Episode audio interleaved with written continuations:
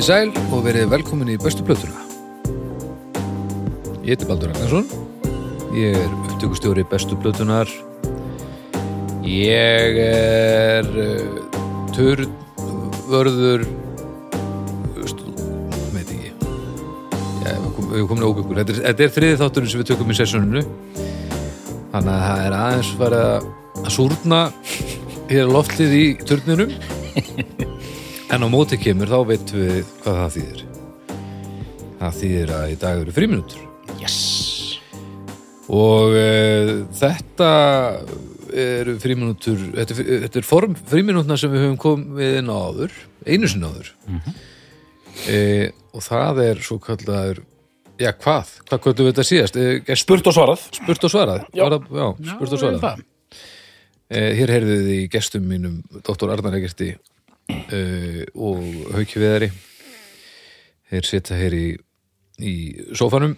Þeir eru vikulegir uh, svona spekulandar uh, koma hér í hvern einasta þátt og, og velta fyrir sér tónlist og, og uh, við báðum fólkið sem er að hlusta að senda okkur spurningar helst á hljóðformi eh, sem við getum farið e, í gegnum eins og við gerum síðast. Þetta, gekk, þetta var ógæslega skemmtilegt síðast. Þannig að e, við sendum þetta út í kosmosu og við fengum nú bara helviti góð svör. E, það er í raunin ekki eftir að neina býða við erum hérna með maður sjá. Er einhver á línunni?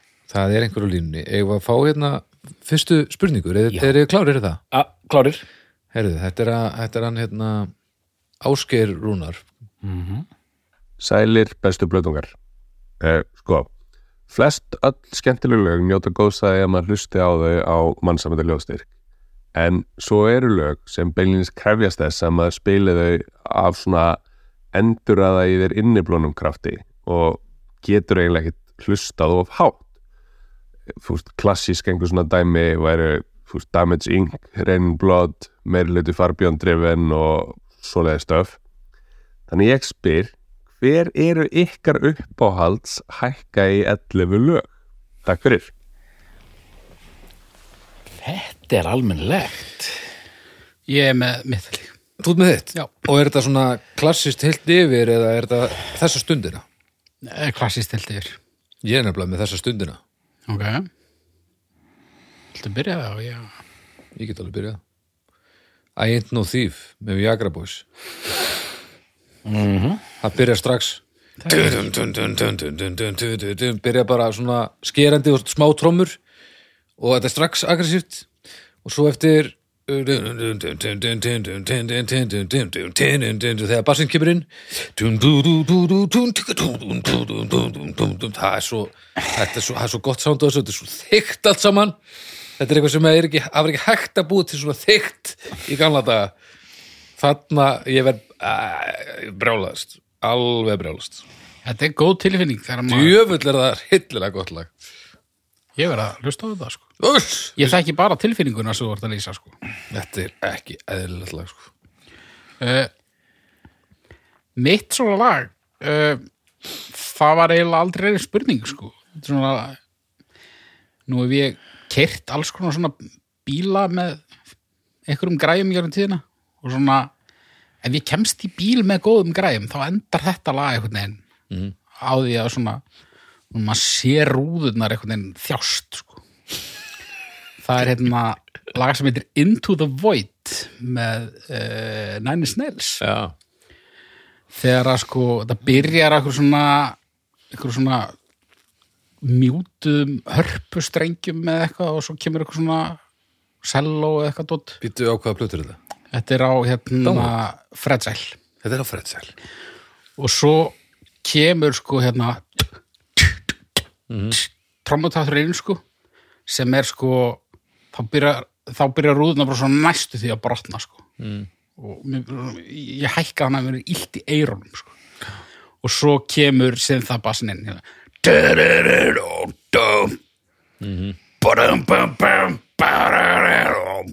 Þið þekkið þetta lag ekki? Og þetta lag er eiginlega bara þessi lúpa sko. en þetta er mitt lag. Gott.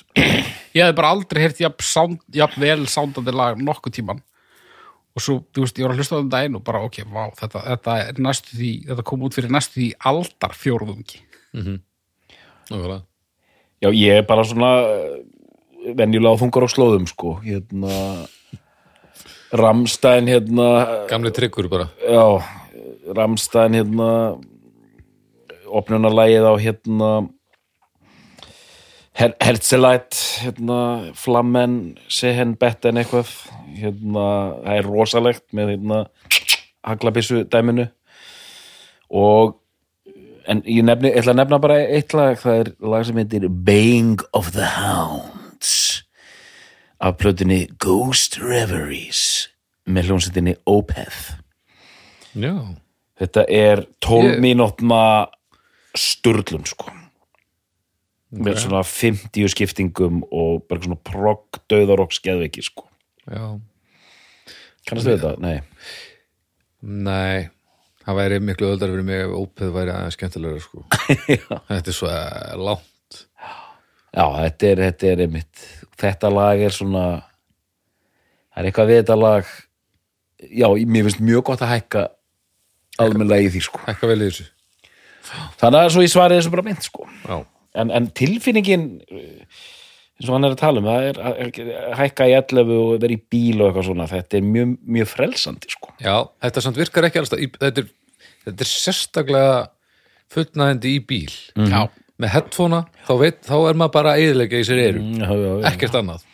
Maður verður að sjá eitthvað svona þetta er bílamál sko. þetta er mikið bílamáli og já, þetta er indislegt og svona ef maður er með græjur og með stólinn sem maður setur fyrir fyrir að maður græjurna sem enginn er með lengur nema fólk sem fættist 70 og eitthvað.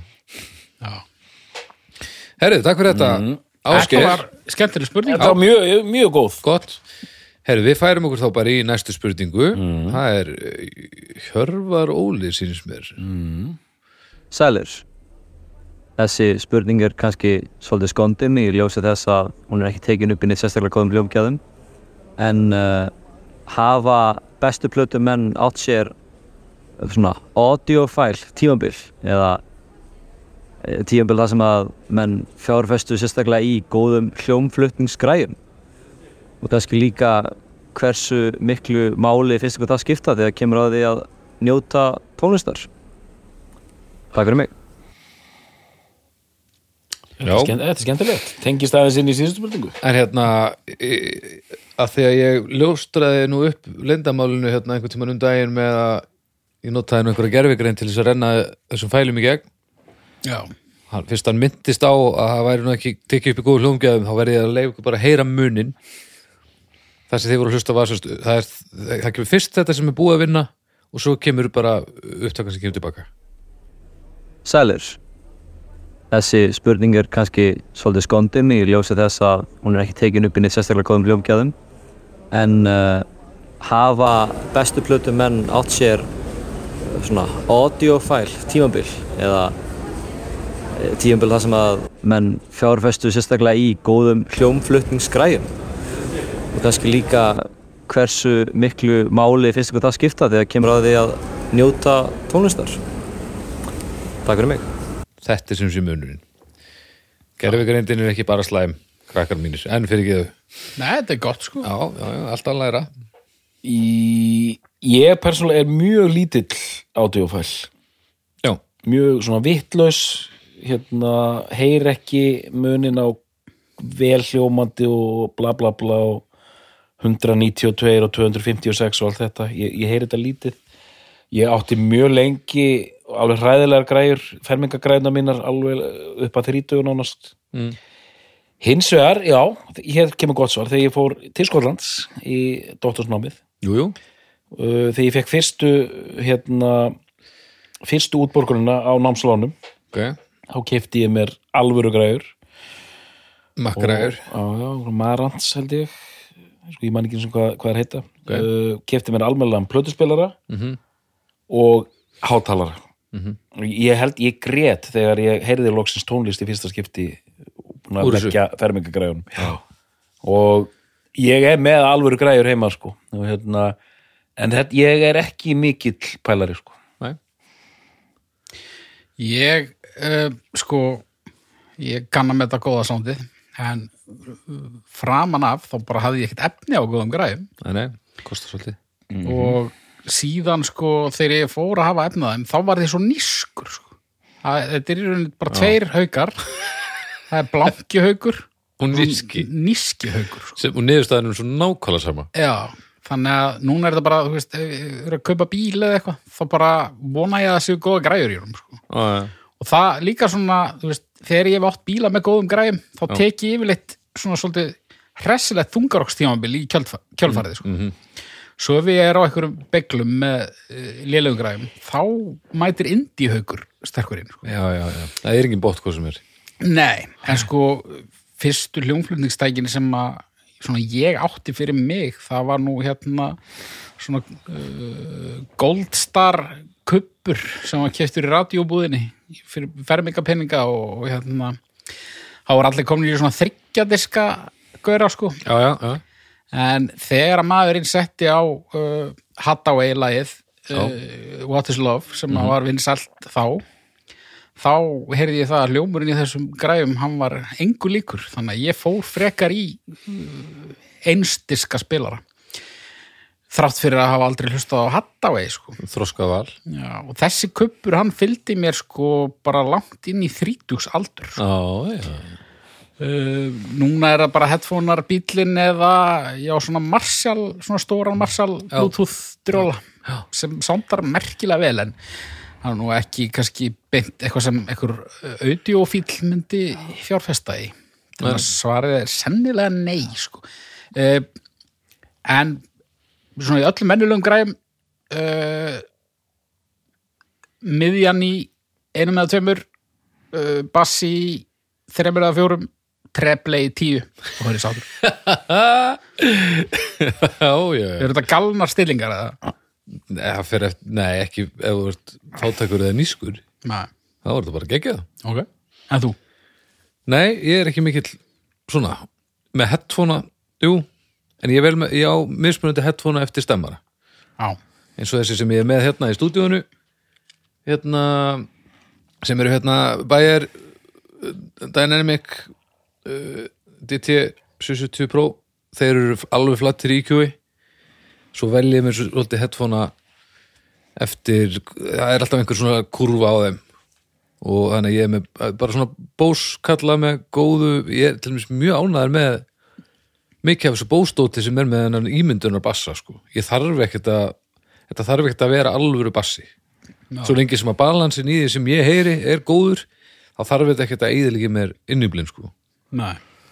uh, svo er ég með svona litla headphonea sem ég uh, sopna með í eyrunum sem er flatir en get leið á þeim og það er kannski með öðru og þeir, með, þeir eru bara drastl headphonear þannig Já. en þá getur hlusta á hlaðverp og svo leis en ég vil samt ekki að þeir séu oflélegir af því að þá heyri ég ekki það sem einhver gerði skemmtileg til hlaðverpinu Já. þannig að, jú, pínu en, en ekki svona græjur setjast fyrir framann gestladiskur í og njóta tónlistar ég er ekki þar sko Nei, eitthvað svona 800 krona Nei. sett sem einhver, bara einhver sjóar úr vestmannu um köpa sér. Nei, ég, ég er ekki þar sko en, en það er líka kannski af því að ég hlusta yfirleitt á tónlist sem hlifa, hliðar afur þess að gera eitthvað annað líka Já. eða vera að vinna í henni, skilur að búa hana til eða taka hana upp eða eitthvað og það er annað en ég vil bara hafa háttalara sem að fyllir upp í rýmið en það þarf ekki að vera eitthvað fancy sound það þarf bara að vera góðu balans í þessu. Þú veist, þetta, maður þarf bara að heyri öllu sviðinu og, og komast í fílingin. Ef lagið, ef maður kemst ekki í, lag, í fíling við lag sem maður veit að maður á er í fíling við þá er háttalarinn sennilega og lítill eða og lélur. Já. Já, já. Já, já, þannig að það. Takk fyrir þetta Hjörvar. Uh, þá er að aðalsteinn ó, sýnist mér. Sælir Byrtar, þakka ykkur fyrir ánægulega samféllt og síðustu árum. Besta platan er orðin pastur liður allra föstudagsmótna. Mér langar að gera tilrönd til þess að koma einu máli hérna inn um bakdyrnar og byggði ykkur að ræða álit ykkar og dóm á einni bestu plötu Íslasögunar Blót með stregaskóm nummer 42 og jafnvel Armadillo líka. Takk fyrir. Hann er með svona 80s frettamannarödd þessi gaur frekka notalegt sko. Já, það var svona, eh, svona Íslands svona pínu að norðan, er hann á norðan, veistu hvað þetta er?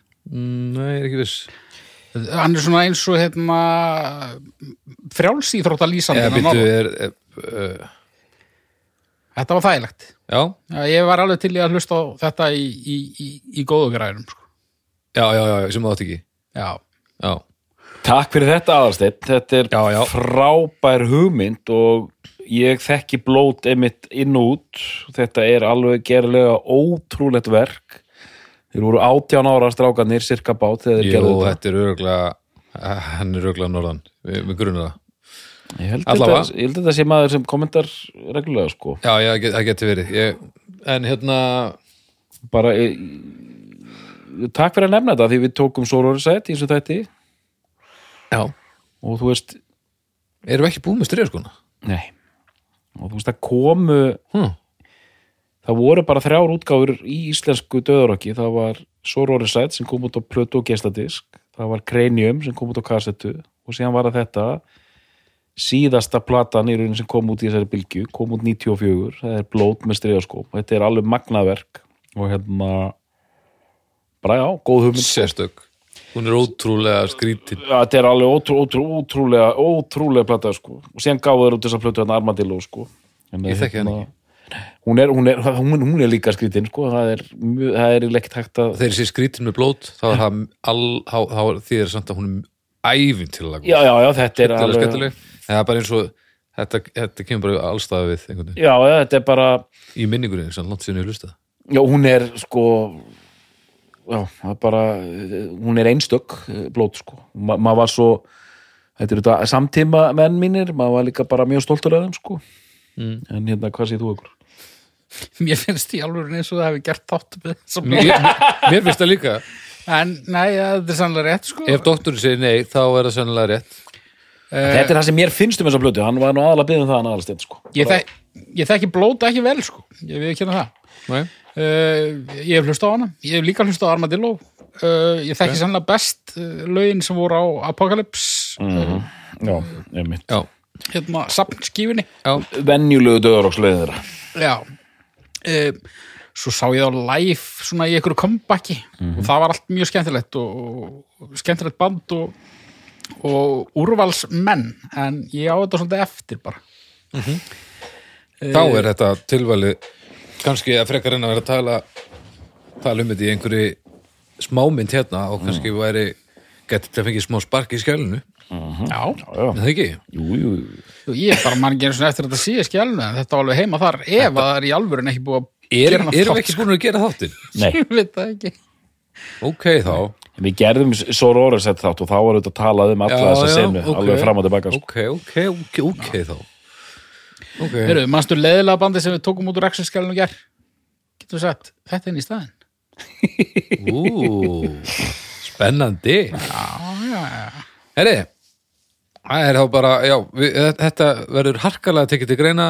Uh, ég myndi segja að þetta er þáttur sem þarf að gera, það er bara þannig. Herru, þá er það Bergþór Viðarsson, herru, þetta er hætti ég Er þetta bara pulsu vesla eins og síðast? Nei, þetta bland, blandast eitthvað pínu. Ok. Uh, en vissulega fleiri pilsur um brauð, skulum við segja.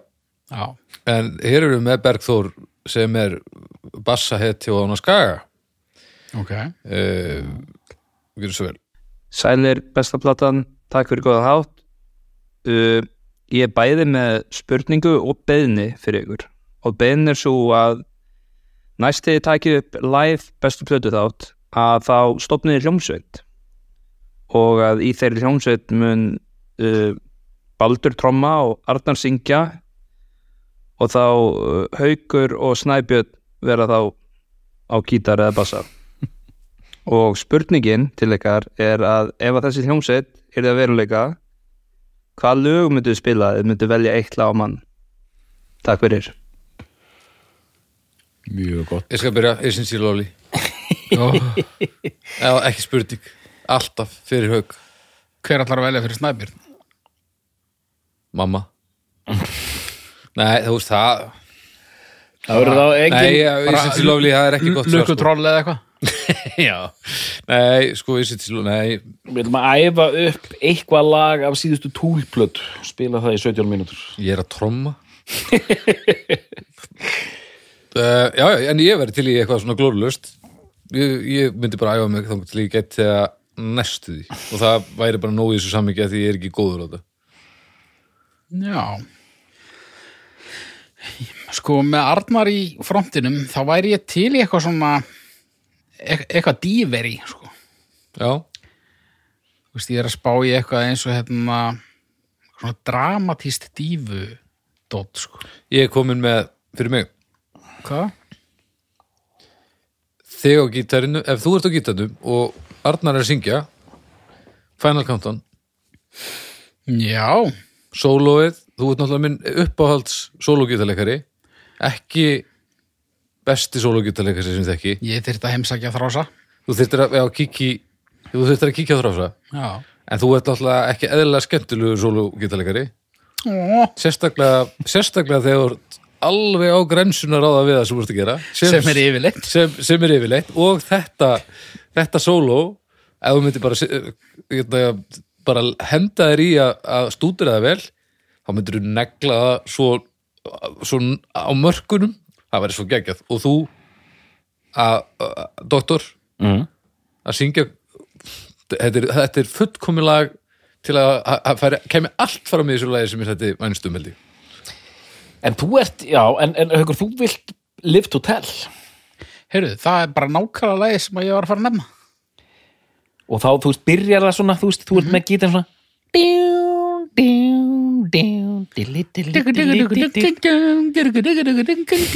Það er bara í alvörin lagi sem ég valdi. Já, já, live to tell Live to tell Þetta er nelt í þetta á húra Madonna sér satt já, uh, Svona drungaballa Já, geggja lag, sko. Þetta er, þú varst ekki komið lagið það? Doktor Jú, ég, hérna Já, ég var með eitthvað túlgrín hérna, sko. Já. En ég, ég, ég live to tell, ég var til í að syngja það, sko. Það er skemmtilegt lag. En hvað myndið þú velja? Þetta talaði um mig? Já, þú ert að velja lag, við erum allir að velja lög. Papa Don't Preach. Í kjálfarið, sko. Já, já. Ég held að Bibbi hann hefði röglega ætlað að segja eitthvað svona punk til að reyna að haldi ykkur ímynd en svo að hann hætt við. Og hann hefði farið time eftir time held ég. Mm, kannski Tarzan Boy. Þetta er, já. Við erum með mjög svona afmörkuðum tíma og, og feeling fyrir utan hérna, þú laði svolítið línunar með með bara hvernig stemmar þú ætlar að setja í þetta sko? Já, og þetta er, verður að vera gaman skilur. það, þú veist, já. það er fólk í salnum og við erum að gera þátt og þetta verður að vera skemmtileg líka. Já. Já, já, Þetta er góðu sætlisti já þetta er góð setlisti. Ég ætla, ég, ætla, ég ætla bara að lýsa einu yfir núna. Áður en að við förum í þátt 300 þá mun ég byrta eh, á einhverju plattformi uh, mynd af tilhildnum á þér það líka en ég ætlaði nú að segja hérna, túlkun mína á gítarsólói lagsins já, The Final Countdown. Ég, er til í það. Til dæmis, þú veist, leiðilegt að ég finn bara eitthvað, eitthvað karaoke útgáf og sóló yfir það sko, þú getur kannski búið til eitthvað grunn eða eitthvað, ég veit ekki, finnum út úr við, í við getum bara fundið alveg grunninn án sólhúsins já, það er samt pínu leim líka sko. En við finnum út úr er það að fara að spila sólóið í Final Countdown á þess að verði pínu leim það verður sögulegt. Ég, þetta verður geggjað sko. Það verður ekkit leim við þetta það, það er ekki þetta, þetta verður bara algjörnegla þetta, ég mun negla þetta. Herri, það er Steinun Rudd mm. sem uh, á hér uh, næstu spurningu. Hæ hæ og takk fyrir góðan þátt. Ég væri til í að heyra fríminútna þátt um rock.is og hvaða áhrif það hafði svona á Íslands tónlistarlíf. Ég man nefnilega eftir því að hafa eitt alveg ótrúlega miklum tíma þar inni, bæði í að finna góða tónlist sko, en líka að finna gull og gersemar eins og til dæmis hérna, djúvillæstu flott amma með tómpils. Það var gott lag. En já, ég held að það geti verið efni í góðan fríminútna þátt. Annars vil ég að endingu segja að það vantar meira dúm í mónitor. En takk fyrir mig. takk svo með leiðis Mjög gott. Þetta er góð hugmynd. Þetta er mjög gott. Já, rock.is Já, Það sko, nú- það voru gerðir einhverjir þættir um rock.is á Rás 2 fyrir Ok. nokkrum árum. Hver var eftir með uh, alveg rétt, var Andri Freyr sem var að gera þetta? Nei, nei, var það? Nei, þetta var einhver eða ég man ekki, hver, hver var að fronta þetta? Var þetta ég, ég man það ekki. Kristján Freyr, nei, ég man það ekki. Nei, þetta er, já, það þetta voru er einhver gerðir yngri þetta er, þetta er eitthvað yngra fólk sem að var meira þetta var svona, eða kannski voru viðtölun aðalega, úst, áskir þurfti komið vel tala, já, Eitthvað. ok, já, ég man eitthvað eftir þessu. Hann það ekki? Voru þetta unnsteinn og Gæti logi verið. eða uh, voru bræðurnir með þetta eða einhverja, Unnsteinn- einhverja þeirra kynslu, sko. Já eh, uh, þetta var geggjað þáttur. Já, þetta er þetta mjög merkilegt rock.is hérna, ég man þegar ég var að, að byrja þú veist sapnkassettur voru rosa mikilvægar fyrir mig þegar ég var að byrja að hlusta. Maður kefti sapnkassettur sem voru kannski með 25 lögum og þá fekk maður smá svona, hva, hvað var að gerast í, í, í hérna neðaðjara tónlistinu í Íslandi, þetta er þetta fyrir tíma internetsins, en rock.is var einmitt ótrúlega merkilegt fyrirbæri og þú veist, synd, ég, þetta er vist til en þetta er ekki uppi samt sko, þetta er ekki uppi, nei, nei þetta er ekki uppi en þetta er til. Voru þið tveir svolítið svona prime time fyrir rock.is? Já, já, já, þetta var eitthvað til að stefna. Já, og hvernig nýttuðu ykkur? Bara setja lögin ykkar inn það er bara hardcore demo Já. og nei, nei já, já, ég var í nokkrum böndum sem að settu það dótana sko. drengir mann ég að voru komið sterkir inn Já, já, morðingjandi duttu það inn alveg fyrst Já. þá var þetta náttúrulega svona svolítið e, farið að minka umferðinu og, já, og ykkur fleiri projekt sko Já. en veist, þetta var náttúrulega snild það var ekki komið komnir þessir, þessar streymisveitur og, og samfélagsmiðlar það var bara svona pínu eins og bara Dropbox hjá einhverjum Já. góðum félaga sko. já, já. En, en, en þetta var svo snildalega gert af því að svo þekkir maður þekkir maður líka þá sem voru að standa baku þetta svolítið mikið Já, ég gerir það náttúrulega ekki sko. uh, ok en það er það, bara þessi, þetta nostur sem var í þessu sem var, þú veist mest hlustu lögin maður gæti sé það, skilur, þetta var svona Einmitt. það var, var stemmar í þessu sko, að, þú veist, ef að það gekk vel þá, þá svona vastu á einhverjum lista af eitthvað, þannig að þetta var alveg svona hvetjandi dót að koma þann inn og fólk var ógæslega dögulegt að spila, að hlusta og láta vita og það var ógislega sjaldan uppfært þannig að ef þú komst í hérna efsta sæti þá þá, þá hjekstu þér inn í ógislega lengi sem var gaman. Já, en hérna, já, það var mjög gaman að, og maður kemdi þetta alveg þú veist, í rauninni sama hvers konar músík þetta var maður hlustaði já. á þetta allt sko hellingur og dóti sem var að nynni sko, alveg hellingur það er hægt að nálgast eitthvað þessu gegnum Wayback Machine eitthvað, en það er náttúrulega bara brot af þessu ég veit þetta til sko já. þannig að þetta, þetta má ekki glatast Nei. Þetta er í góðum höndum, þetta er ekki, þetta er ekki glatast sko. Já, ég man að ég var að leita að einhverju með Tony the Pony Já, nákvæmlega. Það, þú ættir að geta fundið það í gegnum mm. bakmið sín held ég. Já, ja, það er góð. Gekja, var þetta epi sem er góð? það var gott Það, stað það svín sándaði Já. líka at the time, ég veit að við erum gert allt saman sjálfur. Þeir þá, þú veist, ég var ungur, þeir voru alveg kornaðir sko. En Takk fyrir góða, þetta var mjög gott innlegsteinun. Takk kærlega heldur betur uh, Hjaltisnær Jú, sælir, sælir. Eh, Mér langaði aðeins til að taka upp þráðin frá því um daginn í hennu mjög svo áhugaverða spjalli ykkar um einsmellunga eða one hit wonders. Eh, Eins og doktorinn bendi réttilega á þá hefur eitísið algjöra sérstöðu í popsögunni hvað þetta varðar. Þá eru einsmellungarnir út um allt og mikið af því efni lifir góðu lífi enn í dag. Þetta er fyrirbæri sem hefur kannski alltaf verið til alveg frá því árdaga dægutónlistarinnar og verður kannski alltaf til. En það er semst eitthvað sem gerist þarna á nýjönda áratögnum sem svona magnar þetta upp. Um, og nú vil svo til að eitið sér líka blómatími samplötunar og þetta tvent er auðvitað nátengt og skilt einsmellungurinn og samplatan bönd sem verða undur um eitt smell eignast svona sinn vettvang á sapplötum og hér á Íslandi er þróunin frekar dæmigerð með við önnur lönd sapplötu brjálaði hérlendis hóst árið 1983 með plötunni Rás 3 þar sem við finnum meðal annars Safety Dance með Men Without Hats I.O.U. með Freeze og Dolce Vita með Ryan Paris það er að segja þrjá harkalega einsmellunga á einni og sömu plötunni Nú gamla sapplötur þykja almennt lítils virði í dag. Þetta er efnið sem lendir í ruslakistunni á plötumörkuðum og enginn nennir að eiga í sínu sapni en við meðum þó ekki gleyma því að fyrir hinn almenna hlustanda þá var þetta mikilvæg gátt inn í undra heima poptónlistarinnar á sínu tíma. Það var einhvern veginn ekki valkostur fyrir venjulegt vinnandi fólk að fylla stofuna hjá sér af plötum með lít þekktum sveitum þar sem einungis eitt lag fór undir nálina. En allavega, spurningin hjá mér snýst sem sagt um einsmellunga, sapplötur og tengslinn þar á milli. Hvernig er orsakasamhengi í þessu að ykkar mati?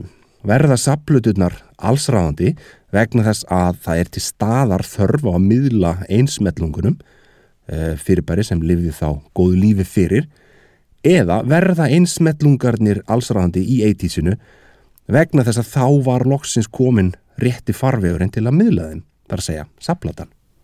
Takk. Já, Þetta var alveg ópeð langt þetta var ópeð lág hann var samt með svona þægilega svona, þetta var svona þetta var svona speillin á, á rúf Já. rödd. Já, og þetta hljómaði eins og þetta var lesið upp úr handriti. Já. já, já. Já, ég, já, ég skal svara þessu sko. Já, Þetta er hérna, mér leiði allt einu sem ég hef verið komin inn á ráðstefnu. Hérna, kemur svona maður aftast sko, kemur mér svona langar spurningu. Sko, Ísland, það var aldrei sjötómu markaður hérna á Íslandi. Þannig að hérna allar þessar plötur, ein með öllu rás þrjú og ég veit ekki hvað þetta hétt hét, hét, var vettvangurinn til að koma þessum lögum á plast hérna, eins og Safety Dance með hérna hérna Men Without Hats og en þú veist, það er svo sem ekkert meiri dýft en það, af því að það voru líka til saplötur erlendis, þannig að þetta var svo sem ekkert sér íslenskt fyrirbæri. Nei, og ég held að, að þetta er, ég er alveg alveg með non-svar við þessu. Það, hérna og, og, og það er þess að saplötu voru, voru ekkert að gera þetta að einhverjum einsmellungum, þetta voru þegar orðnir einsmellungar þegar þetta Já. kemur hérna til landsins sko. Er það ekki málið, nei, og eh, hann er líka að tala um á já, Hvort að bara sapplötu formið hafi búið til vettvang fyrir einsmellungana að verða það einsmellungar já, ég, en einsmellungar voru alveg til fyrir Já. sapplötuna Það, og, en- og ég held að sé alveg rétt að sko, einsmellungar voru þá bara þessi þessi singull sem var gefin út á sjötómu sem seldist ógæslega vel Var meinar hann þá að mögulega einhvern tilfellum hafi vera smells á sapplötu uh, latt fólk frá því að kaupa albúmið?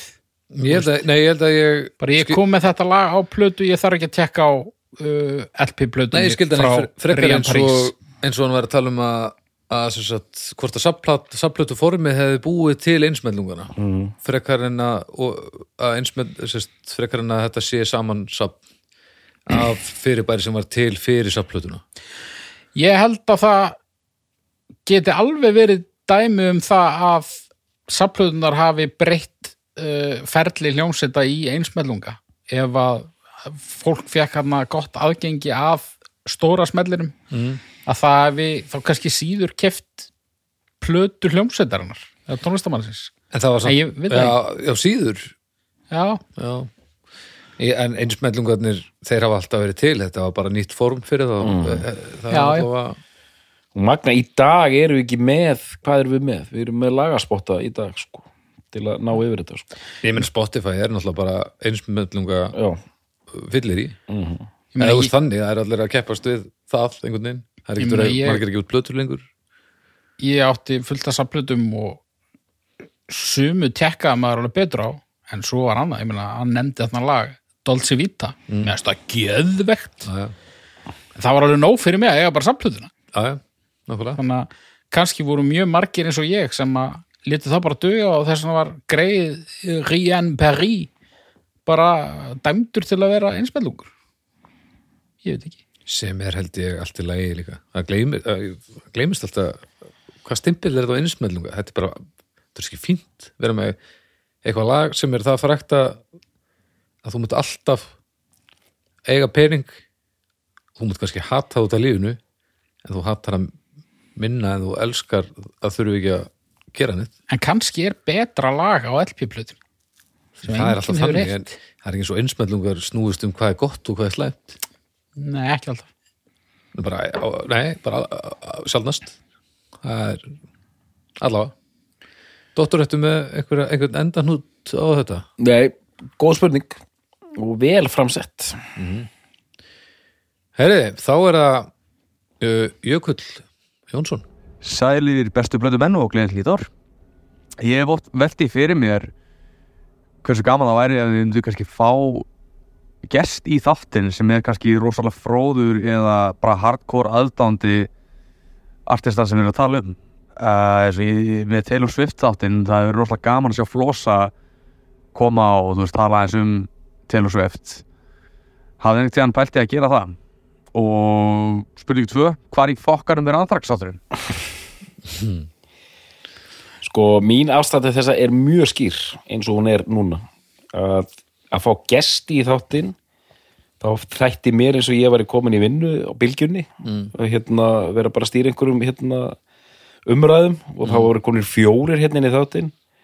Þannig að eins og eh, tilfinningarlífið mitt er akkurat núna er þetta ekki að fara að gerast? Það er líka svo erfitt að koma einhverju nýjum inn í að því við rungum okkur alltaf saman eftir þáttin Já, það er svo erfitt að þetta er alveg skrítið að heyra fyrir þá sem hlustu ekki að síðast þátt.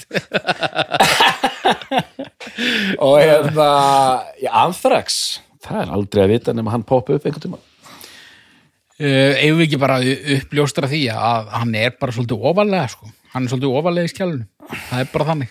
Já, það er svona smá metnaður að klára, klára fernuna sko. Hann liftist ofar og annað fór neðar uh, þarna um daginn þannig að þetta, þetta er alltaf að gera. Sko, ge sko gestur nú geti ég reyni bara svara þessu sem sko gamall hlustandi bestu blötunar þá, þá hérna, var fólk ofta að stinga upp á þessu á grúpunni og ég, ég var alltaf mjög mikið að vona að þið myndu ekki gera það sko, út af því að þegar ég er að hlusta á hlaðvörp þá, þá vil ég ekki ég, allt upp á brott ég, ég fíla það ekki sko Jú, jú, ég fíla það stundum. En, en sko, ég væri jú, jú, ég var alveg opinn fyrir því að fá gest en þá í eitthvað svona fríminútna samhengi. En, en bara svona standard bestu blötu formatið Já, já. að fá eitthvað svona overfan ég held að það gæti orðið snild og ég held að það gæti orðið hræðilegt. Já, og við myndum í rauninni aldrei vita það fyrir en bara við værum búin að setja upptöku. Og hvað við værum komið með bara hérna, eitthvað gaur og hann væri bara þetta væri bara skelfilegt. Við getum ekki, hérna, heyrðu, þetta er ekki að ganga uh, burt með þig og Jú, spyrjaði en bara nei, ég myndi ekki segja það svona en myndi, auðvitað myndi ég segja þetta var bara ekki veist, þetta er bara ekki nógu góðu þáttur skilur Já, ég Það er alltaf leið. ég myndi aldrei gera það. Ég hef sagt það við þig. Ég myndi bara setja eitthvað eitthvað í lofti sem að væri varstu dómstæðstáttir sem að fór ekki loftið af því að þú varst sofandi Já, það var nú bara þáttastjórnandi sem var ekki standa sér sko. en sko ég, ég var Það all, rétt. ég er alltaf til að tala um flosa um tónlist og, og jafnvel fyrir fram að hljóðnema en, en ég er ekki viss um að Taylor Swift svona basic plötu þáttur hefði verið málið sko. en að fá, fá hann enga til að tala um Taylor Swift í einhverjum fríminútum sko. ég myndi ekki ég myndi ekki ekki vítóa það sko. Nei, nei. Svo bara, þú veist, áttu nóg marga mæka? Já, ok. Ég ári nógu mækum. Uh, Var það, sess, var það ekki ástæðan fyrir því að Bibbi þurfti að hætta? Nægleysi nei, það var ekki mækleysið. Alls ekki. Já, en- Takk fyrir þetta Jökull Já, og takk fyrir þú þetta. ert góður í, hérna, í umræðuhofnum Djöfull, fylgistu vel með ha, ég er svo ég er svo lélur umræðu hófnum ég, er ég admin? ég er ekki einu sinni vissum ég sé admin sko. Þetta er samt mitt laðar heyrðu, þá er eru skilabóða norðan. Það er þráinn Marius Góða daginn, drengir. uh, enn og eftir að þið þakka fyrir. En tvepp sem ég langar til þess að, tala um og byggjum en annars vegar með svarta living color. Þá stórmerku sveit og eins í fríminútur var ég til í að heyra ykkur tala um konur sem hljóðfærileikara við vitum nú mikið um konur sem söngvara en konur sem hljóðfærileikara í til dæmis rockinu sem að eru sem betur fyrr alltaf að aukast. Bæði sem já, trámarar, batanleikarar, ítalleikarar bara hvað sem er en tók en konur sem hljóðfærileikarar Já,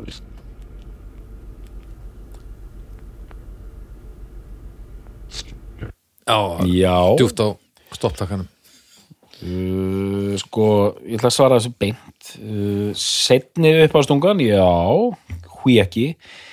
Living Color svona ég er volgur uh, móðvolgur í mestalagi Sko, Living Color er hljómsveit sem mjög mörgum þykir merkileg. Ég þekki afar takmarkað, en ég er, ég er alveg til í að taka frekari stikkpröfu og, og sjá hvort að það sé eitthvað sem að ég sé til í að bæta í Excel-skjalið, sko. Þeir njóta virðingar og eru að mörguleiti svona uh, merkileg Þetta er, það var ekki, það var ekki margar uh, svona jú, það til er að þessum funk metal en veist, þetta var ekkit þetta var engin haugur af böndum og þeir voru svona kannski uh, voru afarnir er ekki að skilja það rétt? Ég, ég, ég man bara að það var ein plata sem naut mikill að vinsalda og aðalega tvö lög, tvö, þrjú lög. En eins og ég segi, ég er bara svona, já, já. Jafnvel, ég er ekki, ekki heitar en það sko. Sko, ég, eh, já ég, Það er erfitt að Það er helviti erfitt að gera þetta við þegar enginn er on board sko. Nei, nei, og það er, það er svo heyri það góðu lustendur sko, Excel-skjalið er nöfnin hann inni eru endalög sko, það eru hundruður nafna hann inni sko, allt svona jafn spennandi að taka, manni finnst mjög mikið eftir sko, sem þarf að taka sko. Já, ég, sko ég, ég persónlega myndi ekki útiloka þetta sko. En Þú ert náttúrulega nýjugurinn. ég, ég er spenntari fyrir King's X, segjum það bara. Fyrir? King's X Já, sem er svona að einhverju leiti svipupæling. Mm. eh, kvenkins hljóðfærleikarar já, þú veist eh, núna í rauninni eh, eh, vitum við að það skiptir engum máli hvort þú kallaði það kona. Nei, nei. En því miður var það þannig þegar að ég uh, var ungur maður að þá var þetta viðmóti, bara konur getur þetta ekki að vel. Nei, og sko og bara hugtækið kvennasveit. Já, óþólandi það þyrfti að, að, bara- að nálgast þetta á háréttan hátt til þess að þetta make a sense en, en bara absolutt ég var nú bara síðast í gerkvöldi að horfa á einhverjar einhverjar uh, í rauninni bara unglingsstelpur að, að tromma sko þungarokk betur heldur en flestir starfandi karl tónlistamenn sem ég hef séð. Þannig að sko konur hljóðfæraleikarar YouTube hljóðfæraleikarar Já, Já, hún er rosalega hérna, ung þarna svört hérna, hvað heitir hún, Candice Busnell eða eitthvað líka. Er þetta tala um Nandi Bussel? Já, Já, hún er sko okkur, hún heldur þetta ekki. Já, já veist, nöfnin sumt að þessu lið á YouTube er bara Sturlað. Já, bara, þú veist, einhver, einhver bassaleikara pía sem ég horfum stundum á. Og þetta er bara, já, ég ætla að taka hérna þetta klassíska bassatrakk og hún gera það bara eins nefnir bara svona 500 svona Já, já, og, og, og sko en það sem er pínu óþólandi með YouTube leggin eins og hann leggur sig er mikið af þessu svo helvitilega rétt já, uh, að því að mér langar bara til að sjá þetta fólk búið til lög og, og, og auðvitað, það er alltaf gaman að sjá einhvern sem er sturlað gó- góður eða góð á ljóðfæri sitt spila á það, það er alltaf alveg geggjað. En mér sem miklu vera meira gaman þegar einhverju bara gerir einhver steg sem kemur úr heilunum á þeim. Ég hugsa mjög margir sé að gera bæði og þetta uh, hérna, Já, kannski er ég færir beikonið heim í hús og, og Já, það, ge- það gerir það klárlega. En hérna, já, og með þess að fullt af beikonið já. Já, takk fyrir þetta, þetta er hérna, ég er uh, ég er opinn fyrir öll. Þráin spurði mitt síðast sko, þannig að þetta er komin Jú, jú, góður spurt og svara gestur. Heyri, þá, hérna, það eru fjórar uh, spurningar eftir. Mm. uh, Þá er það Mara Birna Hei, hei, Mara heiti ég og ég vil fyrst bara þakka fyrir stórkoslega þátt og podcast sem að ég hef verið að hlusta á hans lengi. En ég er með spurningu og pælingu og mögulega umræðu, allt í einu bara, uh, sem beinist allra en höfðar mögulega mest til doktorsins. En ég man eftir því sérstaklega í Celtic Frost þættinum er hann var að tala um að vera mikill nörd yfir svona hvar ímsar tónlistefnur og sérstaklega öfgarokk byrja, hvar hvaðan helst að frumemni kemur. Og mér var hugsa til hljómsveitar sem heitir Coven sem er leitt af henni Jinx Dawson og það er einmitt hljómsveit sem ég gerði ritgerð um þegar ég var í áfanga hjá, hjá hann varnarækjandi í Allaví fyrir nokkrum árum og það er einmitt hljómsveit sem að er talin af ymsum spekingum vera fyrsta bungararhljómsveitin jafnvel á undan Black Sabbath. Og það er eftir að ég ósa það hvort þetta sé ekta þungarokk eða hvort þetta sé meira psychedelia en það er allavega óneitanlega þau eru með mjög mikið komið með rosa stert svona satanist og occult element í textana sína og það væri náttúrulega stórkvæðast skemmtilegt að fá bæði bara þátt um þessar hljómsveit. Uh, þannig að það væri gaman að heyra einhvern annar en mig tala um hana. Og líka bara umræðu um kannski, kannski etni frímjöndur að hafa eitthvað svona tal um proto hljómsveitir. Svona hljómsveitir sem voru á undan sinni stefnu eiginlega. En mín svona eiginlega spurning út frá þessu máli er eiginlega bara hversu stór eða merkileg eða vinsæl eða innan gæti bara góð þarf hljómsveit að vera til að fá almennilega kredit fyrir svona sitt hlutverk í að byggja upp tónlistastefnu ég hugsa pínu til til dæmis sýstur að þetta setja tarp sem að fekk sitt kredit Mhm. fyrir uh, sitt hlutverk í að skapa rockið freka sitt. Og var þar svona grafin á bakvið Elvis og, og slíka aðila sem voru miklu stærri. En þetta er nú allt sem ég hef að segja í byli þannig að bara skemmtið ykkur. Ár gleðilegan þátt og bless Gleðilegt ár sömu leiðis og takk fyrir þetta. Takk fyrir þetta Uh, ég, nú er Baldur að spila þetta í símahátulurum, þannig ég náði eiginlega hvorugu nafninu sem kom fram. sko hún var að tala um ég, ég veit setna dæmið hérna, það er Sister Rosetta Tharp sem hún nefndi Já, Sister Rosetta Tharp sem svona fann upp ramagsgítarleik mitt. uh, ég held hún hafi verið að tala um Cloven getur það verið hérna, Coven. Coven Já. Coven, hérna, og já og sko, já, Coven Mér finnst þessi hugmyndum svona proto já, svona frum band í stefnum Það er geggjum. það er geggjuð hugmyndi fyrir mínútur Já. að reyna að finna rótina sko. já, Það er líka svo endalast að það uh, rífast við það. já, Já, og, og þetta, þetta er ekki þetta er ekki skýrt sko. Nei, og þetta er svo merkilegt að stundum verða hlutir til í band sem heitir Peru Ubu sem var Já, byrjuð umbanna bandið Já Hljóðsettin Peru Ubu frá Cleveland var að spila músík árið 1975 sem hljómaði eins og lög af Unknown Pleasures með Joy Division Já. fjórum árum fyrr og þú getur ekki tengt þetta saman þannig að þetta er bara einhver svona tilvöljun sko. já, já, já. Eh, og þú veist, það er ekki eh, þú veist, það er einhvern veginn ekki hægt hvernig gæti þetta gerst, sko Sarkofago sem er svona brasilíst hérna band sem voru, voru konum með svona korpspeint Mhm. mörgum árum á undan hérna því sem gerist í Nóri Mhm. og gaman að heyri Möru, hún er einmitt nefandi minn úr LHI og hún skrifaði mitt björritger hjá mér um nótkun á klassískum gítar í þungarokki Já, mjög skemmtileg ritgerð næs. en hún skrifaði mynd um Coven og ég ætla að svara þessi beint fyrir ekki aukur að hérna Coven var miklu meira bara svona psychedelisk hljómsveit sko. Er þetta Come to the Sabbath bandið? Nei, jú, gæti verið sko. þau voru eitthvað að leika sem er það Nei, það, en músíkin var bara trúbrót sko. það er ekki Nei, það er ekki kofin Ok, hver eru það?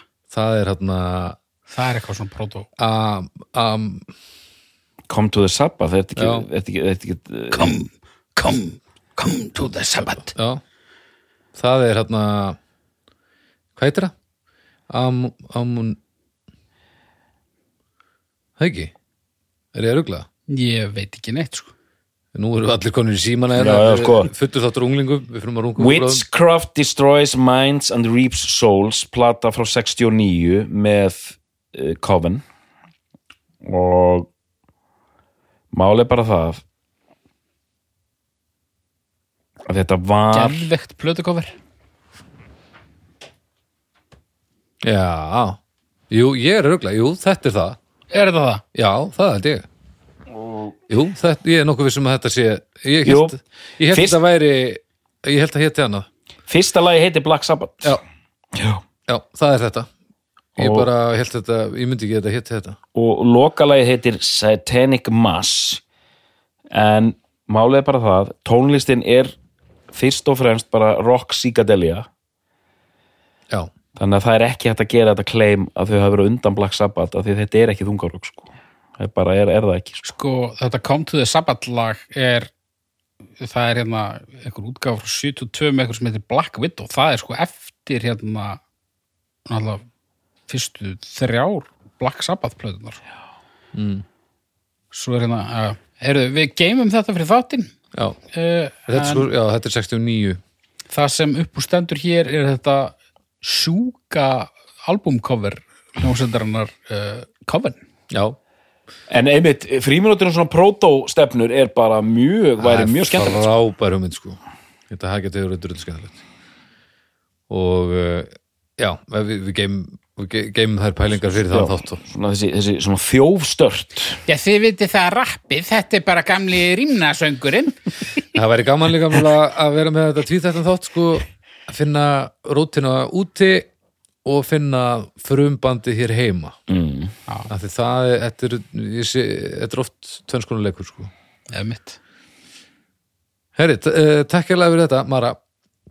Uh, þá er það Otto Gunnars. Sælir, ég hef spurningu til ykkar þryggja og uh, hvaða hljómsveit hvaða hljómsveit er það sem að fer mest í taugarnar á ykkur og uh, af hverju velur doktorinn Rage Against the Machine? Takk, takk fyrir góðan þátt Takk, bless.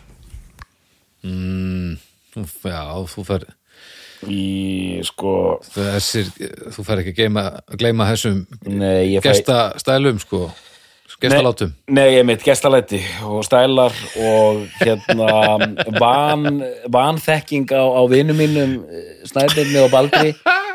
Ég er bara svona þetta er alveg svo ef ég tala beint frá hjartanu ég hérna ég eiginlega veit ekki alveg ég veit, ég veit ekki alveg hvað ég var að gera þarna. Ég skammast mín fyrir þetta. Ertu búin að hlusta á þetta ég hef heyrt þetta sko aftur, þessar ræður sem ég tók og hérna, ég veit að það er fólk sem elskar reitsakjænst að sín þáttinn af því þetta var þessi sirkus sem þetta var og bara gjöru þið svo vel. Ég myndi aldrei gera svona aftur aldrei þetta var einhvers konar framlenging á Nirvana-greinu sem ég skrifaði fyrir mokkan hérna 2002 sko. Er, ertu búin með eitthvað þroskastökk síðan já, já, na, já, einmitt. Síðasta þroskastökkið er komið var, já, síðasta þróskastekki komið og síðustu unglingastælandir þeim er lokið sko. Hérna, að fara hann að nálgast 50 Æj, æj, æj en ég ætla aðeins að fá að hugsa hvað hljómsveit fyrir mest í töðunum mér Já, það er pínu- ekki þessi er, ég get fundið eitthvað annað. Mér langar að segja eitt við þessu sko. Þú varst að hætta að afsaka þetta mál sko. þú, þú sagðir ekki þú, þú varst ekki með neina stæla. Það sem að fyndið þennan þátt var náttúrulega að þetta var óvænt. Þetta var og mjög það, þetta var mjög einlægt. Maður heyrði það því að fannst þetta bara leðilegt já. Og svo náttúrulega það að bræðurnir þeir voru náttúrulega bara með brækurnar í hnút allan þáttinn. Og maður tengdi svo mikið við þá en, en hérna, þeir voru þeim leiði svo illa. En það var ekki þér að kenna sko. Nei, og einmitt, ég er ég er náttúrulega að segja og sett með gestalættu eitthvað en ert að bakka, er einhverjar hótaðir það, nei, nei, og það, nei, alls ekki en það er líka og það var ein lína sem var svolítið fallega frá hann Davíð Ólafsinni sem, sem er inn á, inn á umræðhornum það var eitthvað svona og á meðan bræðurnir voru að hamast á doktorn Já. Já, um, en e, það er spurning til ykkar strókar Já, sko, ég veit það ekki. Ég eigði svo litlum tíma. Ég eitthi, ég, ég staldraði lengur við hvað fór hryllilega töðan á mér þegar ég bjó með haukja því að honum fannst það svo gaman. Já, já, en það, já, ég annars er ég alltaf að hlusta á eitthvað sem er gott. Allt og mikið en líka þetta að láta bönd færi töðan á sér er svolítið að fjara út hjá mér ég sá hann haukur hérna, vinur okkar var að tjá sig um U2 á, í umræðahópnum mm. og sagði þetta ég er löngu hættur að hata U2 eða eitthvað alveg sko ah, ja. þannig að einu sinni var ég að láta einhverja hljómsveitir eins og Dave Matthews band og eitthvað svona færi töðunar á mér ég bara ég, þetta, þetta það er boring að segja þetta en þetta er, er alltaf minga einhvern veginn sko. Já, við erum líka bara að verða eldri og, Já, og meirari. Já, ég sko ég, uh, mín fyrstu viðbröð voru þau að fara inn í sennilega elsta Spotify playlistan minn sem að ég byrjaði árið 1900, 1900 ekki alls ekki 1901 2016 sem er uh, versti playlistin.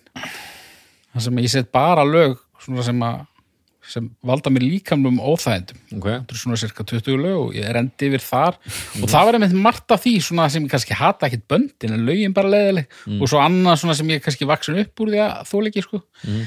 en það var eitt band þarna. Ég, ég, er með, ég er með mína fulltrúa. Okay. uh, bara ég er mjög ánægð með það að þetta er mjög glemt hljómsett okay. það er hljómsettin Cake. Já það er sennilega svo hljómsett sem fer jafnvel meiri töðar á mér en, en Hörmanns Hörmits Sko, þetta Hermanns Hörmits sko, ég, ó, sko ég hef heyrt lög með Hörmanns Hörmits sem ég finnst ágætt. Þú, en ég hef ekki heyrt neitt með Cake sem er ekki kvöl og pína.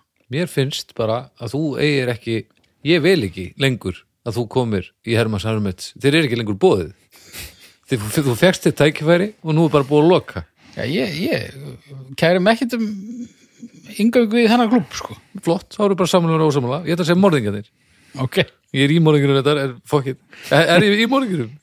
Uh, nei. fokk uh, Nei, ég þarf aðeins að melta hérna eitthvað svona eitthvað hvað var Cake, hvaða lag var þetta? Ah, oh, bara alls konar leiðilegur, leið, leiðilegur, söngvari, ógæðsla leiðilegur, Mm. og fucking lúður alltaf og þetta er ömulegt. Mm. þetta er ekki hverju kom til Íslands það var Bloodhound-gang sem kom til Íslands Já, Cake, ok, já. Já, já Já, eh, það það kemur eitthvað, ég, ég vissi það. Það er bara inn á umræðahópin eða, Nei, nei, fúst, ég, ég myndi vilja mun eitthvað núna sko. En uh, þú tókst nú svona semi-ópeð yfirdröð laðan. Ekki bara halda Jú, því en ég þekki, að, fúst, en uh, hann meira svona eins og hann fer samt ekki, ég veit alveg að það er gott skilur, Mm, en eh, auðvitað er óþólandi bara að það er svo langt. Já. þetta er bara svo langt. Og það, þú veist, jú, ég getum nefnt miljón bönd sem, uh, þetta, þetta þarf ekki að vera svona langt.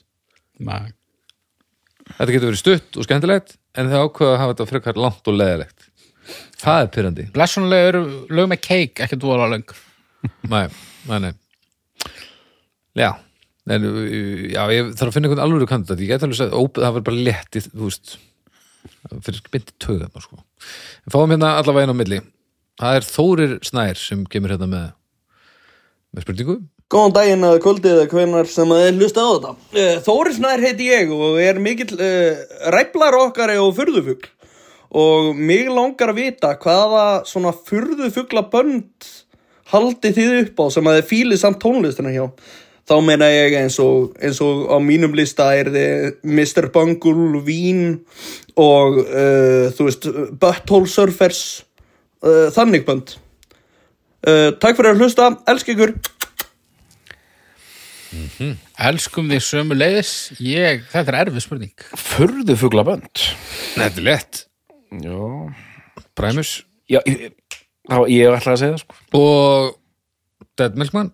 Mm Tóidóls, sumt Tóidóls hann syngur eins og hann sé í búri en mörg lögin er resku Primus, Emmitt, mjög gott emmi Spöttal Surface Ég Bottle gæti jafnvel sett Primus bara sem svar við síðustu springu sko. Nei, haukur. Ú, þetta er leiðilegt. Nei, þetta er leiðilegt Anskotin Ef hafið þú segir Primus þá segir ég Rush Ég hef stundum haldið því fram að Primus sé ekki leiðilegt sko.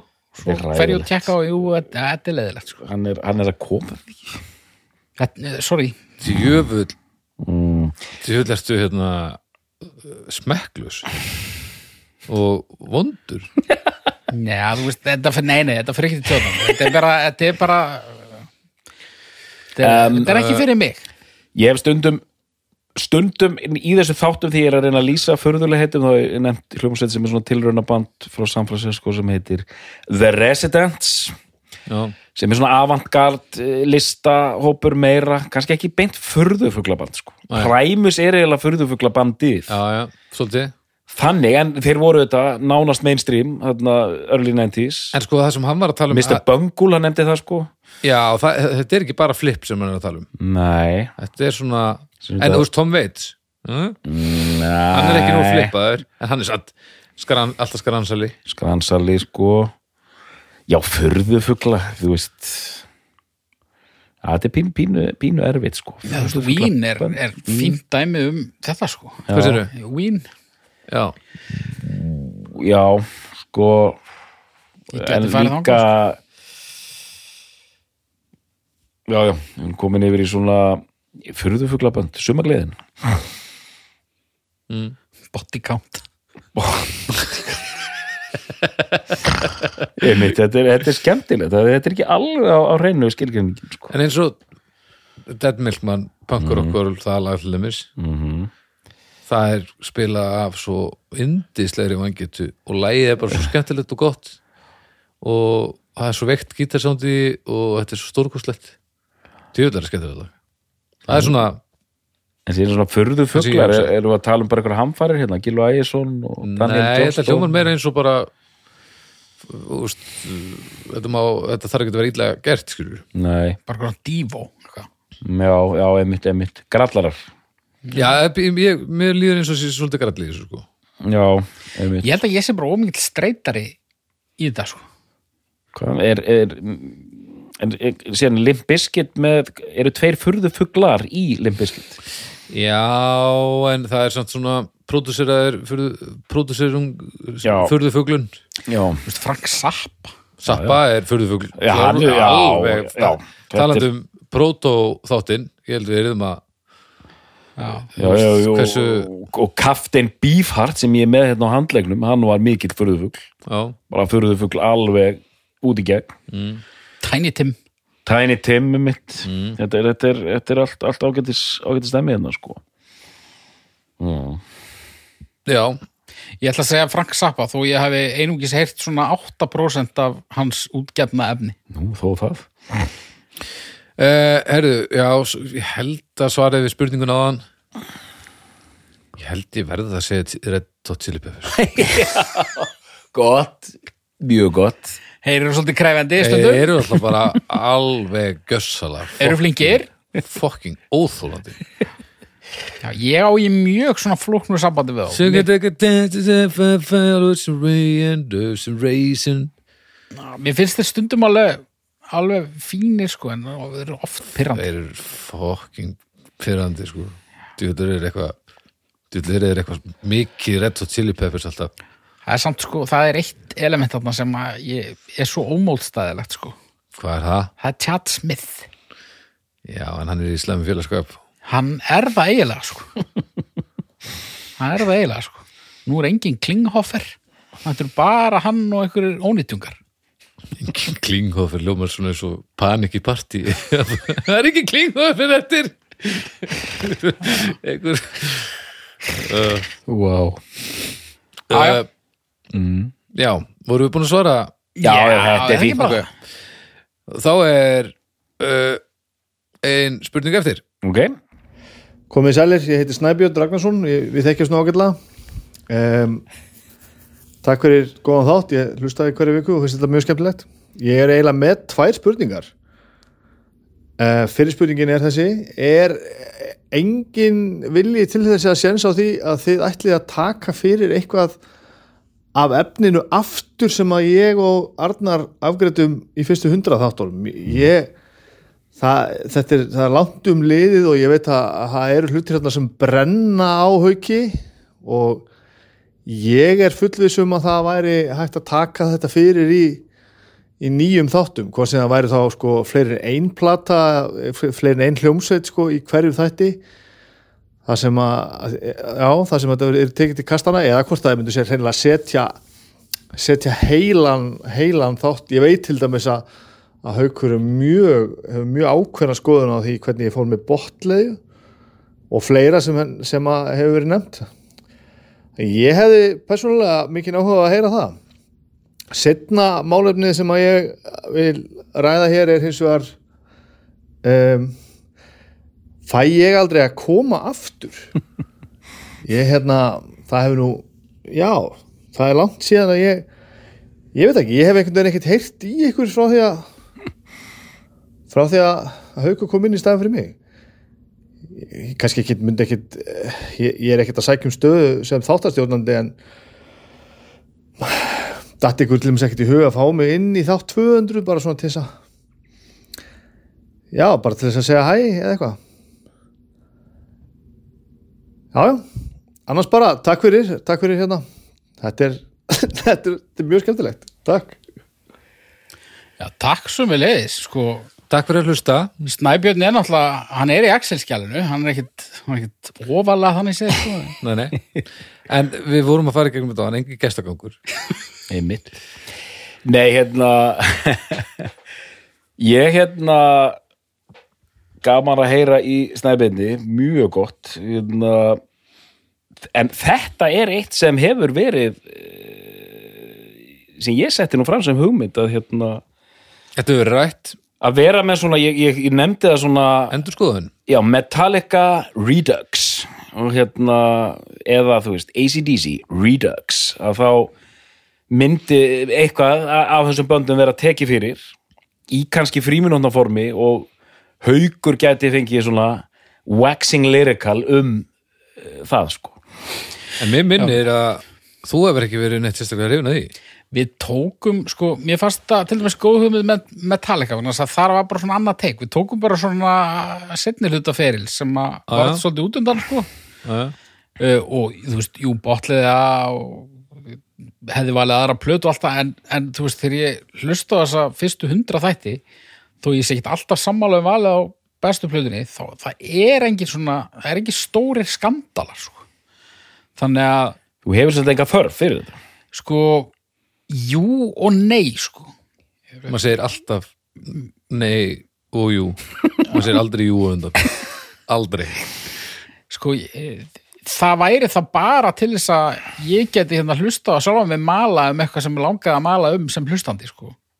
En hérna Já, já. en, En en ég meina hvað er hlaðvarp annað en það? Já, já, ég er bara að pæli hvort það, myndi bæta ykkur við Já, ég skilji en, en, þetta, já, en þú veist, ég, það, það, er, það er þáttur og þáttur það sem að ég var kannski meira ósammála skilur, við tókum náttúrulega ykkur um þættur í það, það sem að ég ljóstraði því upp að, að mér þetta Seasons in the Abyss vera slappasta platan í þrænunni Það er náttúrulega skandal Já, Það margir myndu segja það.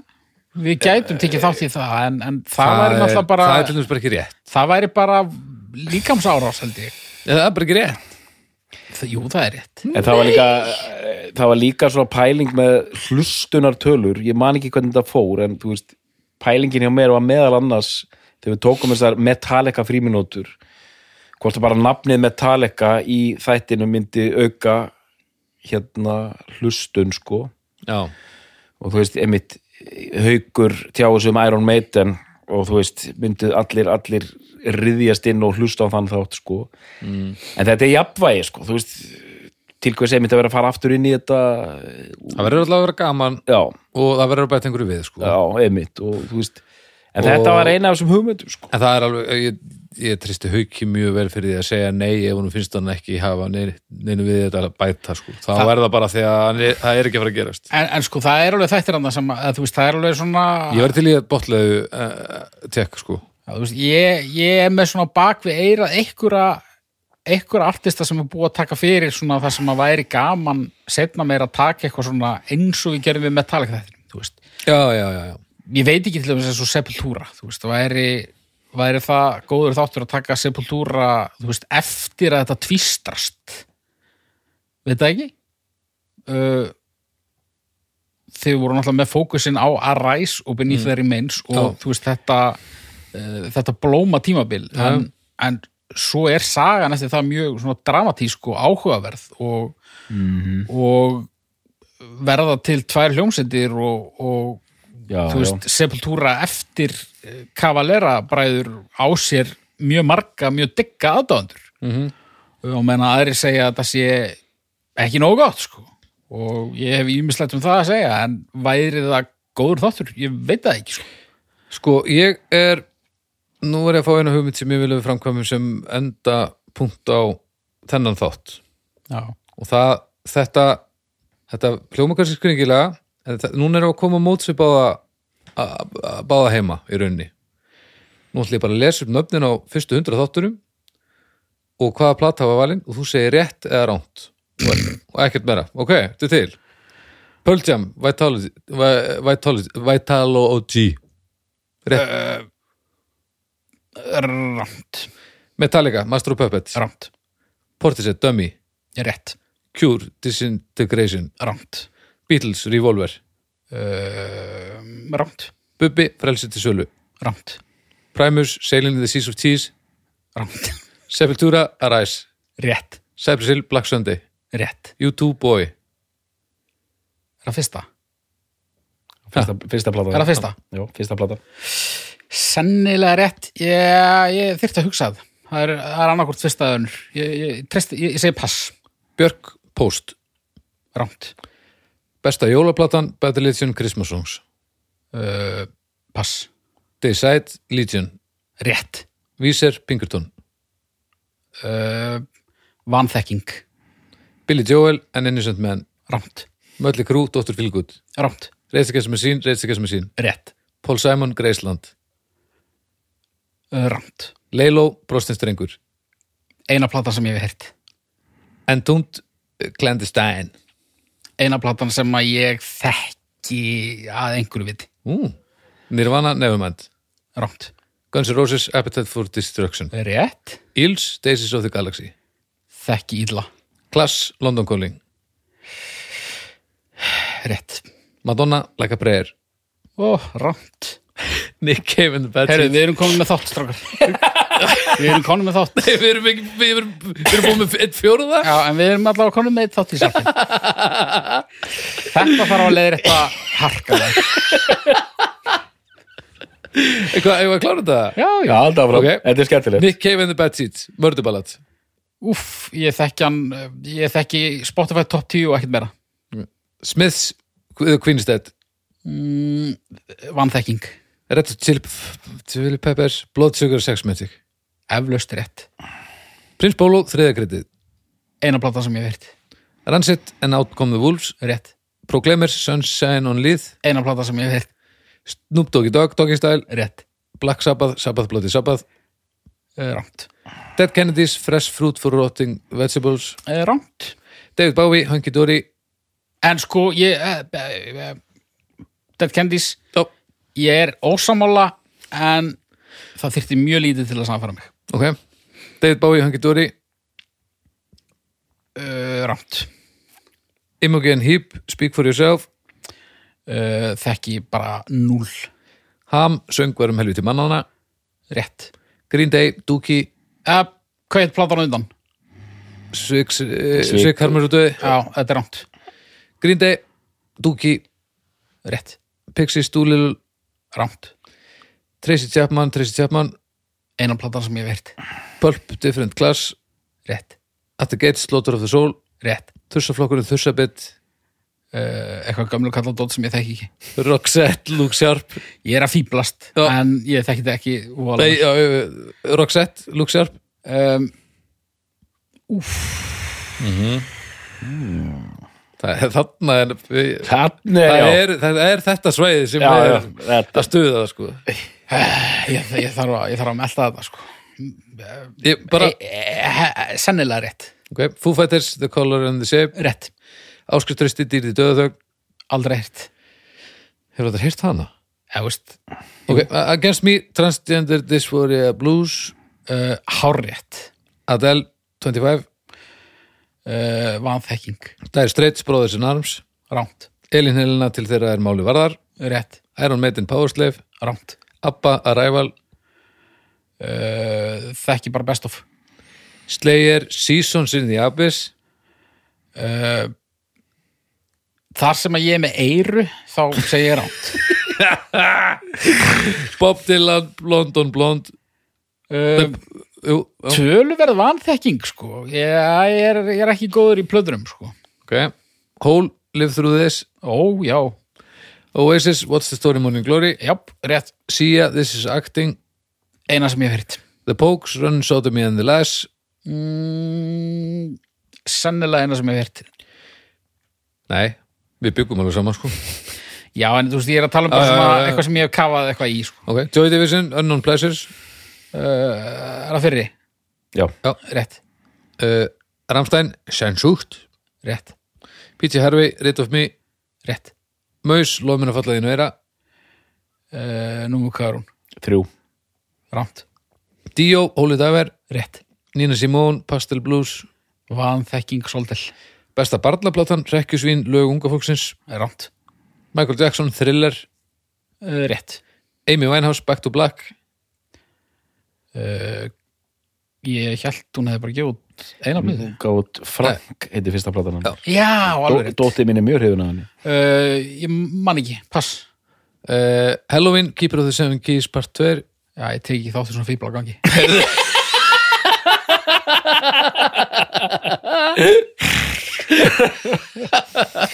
Uh, Prod The Prodigy, The Fat of the Land. Ránt mm, Skönka Nancy, Paranoid and Sunburnt. Mm, man ekki. Motorhead, Overkill. Uh, ránt held ég. Apparat Organ Quartet, Polyphonia. Eina sem ég hef heyrt. Sigumólarnir, Life's Too Good. Er það fyrsta, Já. rétt. ACDC, Back in Black. Rétt, Shellac, Thousand Hertz.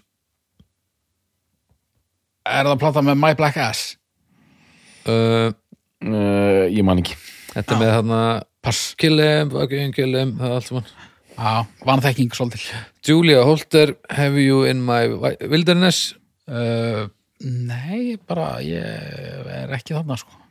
Tricky, Maxine Quay þetta er náttúrulega bara eitthvað ég, bara 90s sorp sem ég þekki ekkert. Ég er að djóka, ég þekki þetta samt ekki neitt sko. Það er ok. En ég, ég þekki svona eitt lag. Europe, The Final Countdown eina plata sem ég hef heyrt. Utakarsmenn, Geislaverkir uh, eina plata sem ég hef heyrt. R.E.M. Automatic for the People. Alls ekki. Alls ekki. Judas Priest, British Steel. Nei, alls ekki.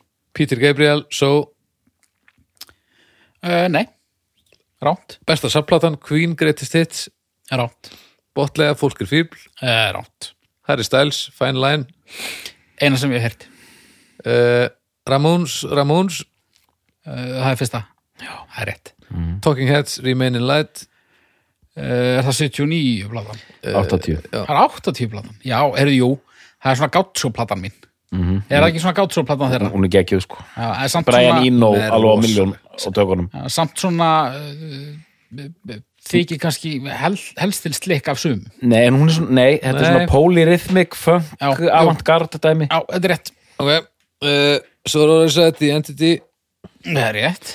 Bruce Springsteen, Born to Run.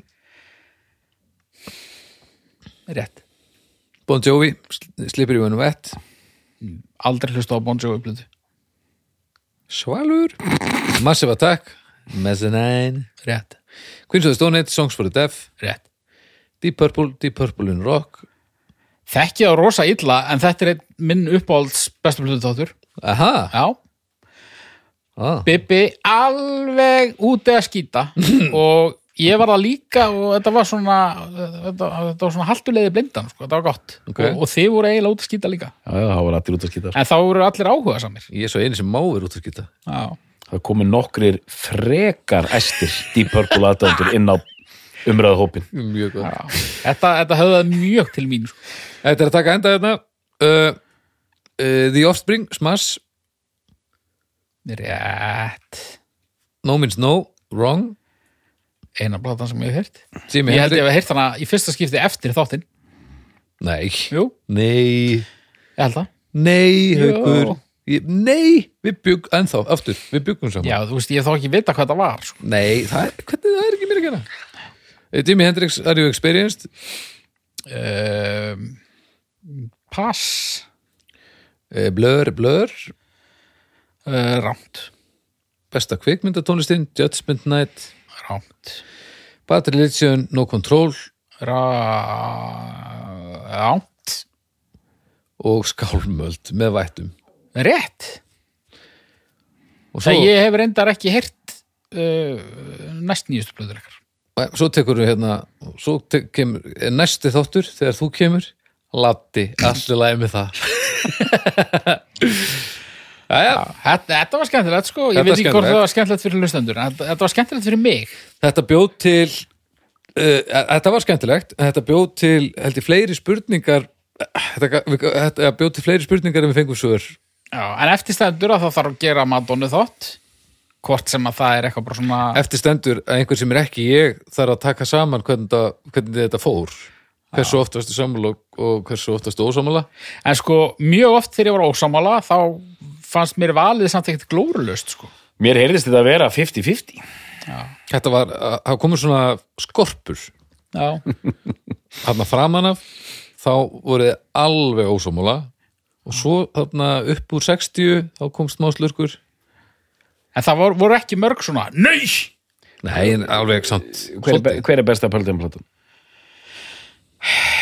Ég, sko, ég sagði nei út af því að mér finnst annarkort fyrsta eða önnur betri, er þetta ekki þriðja? Jú, þetta er þriða Ég, þetta eru þær þrjár sem við heyrt sko.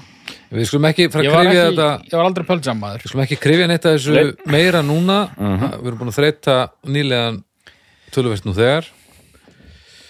Uh, ég myndi segja að þetta hefur verið gaman. Mjög gaman að heyra í hlustendum ga Já. skemmtilega spurningar, gaman að heyra rattir ykkar. Gríðalega gaman, takk fyrir að, að senda okkur þessar spurningar.